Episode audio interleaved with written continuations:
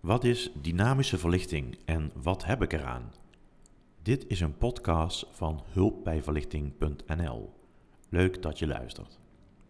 Dynamische verlichting, smart lighting of human-centric lighting. Er is sprake van dynamische verlichting in situaties waar het niveau van de verlichtingsterkte en eventueel ook de kleurtemperatuur wordt aangepast op basis van één of meerdere factoren. Deze factoren kunnen bijvoorbeeld zijn de tijd of invallend natuurlijk licht. We gaan met dynamische verlichting bijvoorbeeld daglicht nabootsen. Dynamische verlichting heeft in sommige gevallen te maken met uh, de dag- en nachtcyclus van het zonlicht. Doordat de zon gedurende de dag van positie verandert, hebben mensen, dieren en planten telkens te maken met een ander verlichtingsniveau.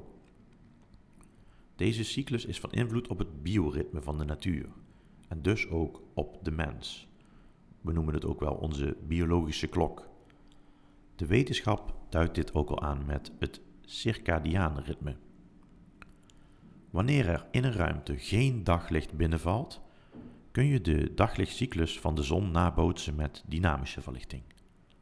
Het lichtniveau en eventueel dus ook de kleurtemperatuur wordt gedurende de dag aangepast, automatisch. Hierdoor zal het kunstlicht zich gaan gedragen zoals de zon gedurende de dag ook beweegt. In de ochtend is het licht gedimd, gaat het langzaam feller branden. Op het midden van de dag is de lichtsterkte het grootst en de kleurtemperatuur het warmst. In de uren daarna neemt de lichtsterkte wel langzaam af en wordt de kleurtemperatuur langzaam hoger of koeler. En op die manier wordt het gedrag of het beeld dat de zon in de natuur heeft nagebootst met kunstverlichting. Een ander aspect van dynamische verlichting is het compenseren van invallend licht en daarmee ook energie te besparen. Een andere vorm van dynamische verlichting zie je in ruimtes waar via ramen of koepels natuurlijk licht binnenvalt.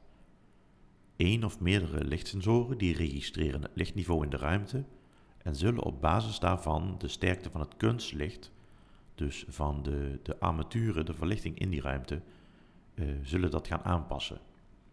Als er veel zonlicht binnenvalt, hoeft de verlichting minder fel te branden.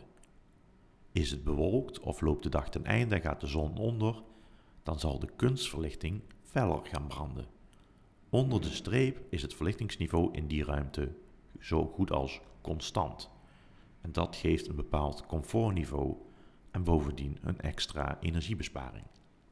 Je laat het licht namelijk alleen branden op de sterkte die daadwerkelijk nodig is. Komt er veel licht van buiten, via de ramen, via koepels, dan hoeft de kunstverlichting minder fel te branden en verbruik je dus ook minder energie. Wil je meer weten over dynamische verlichting, over smart lighting, human-centric lighting of wat dan ook wat met het toepassen van verlichting te maken heeft? Kijk dan op de website hulpbijverlichting.nl of luister naar de podcasts of kijk naar ons YouTube kanaal. Bedankt voor het luisteren.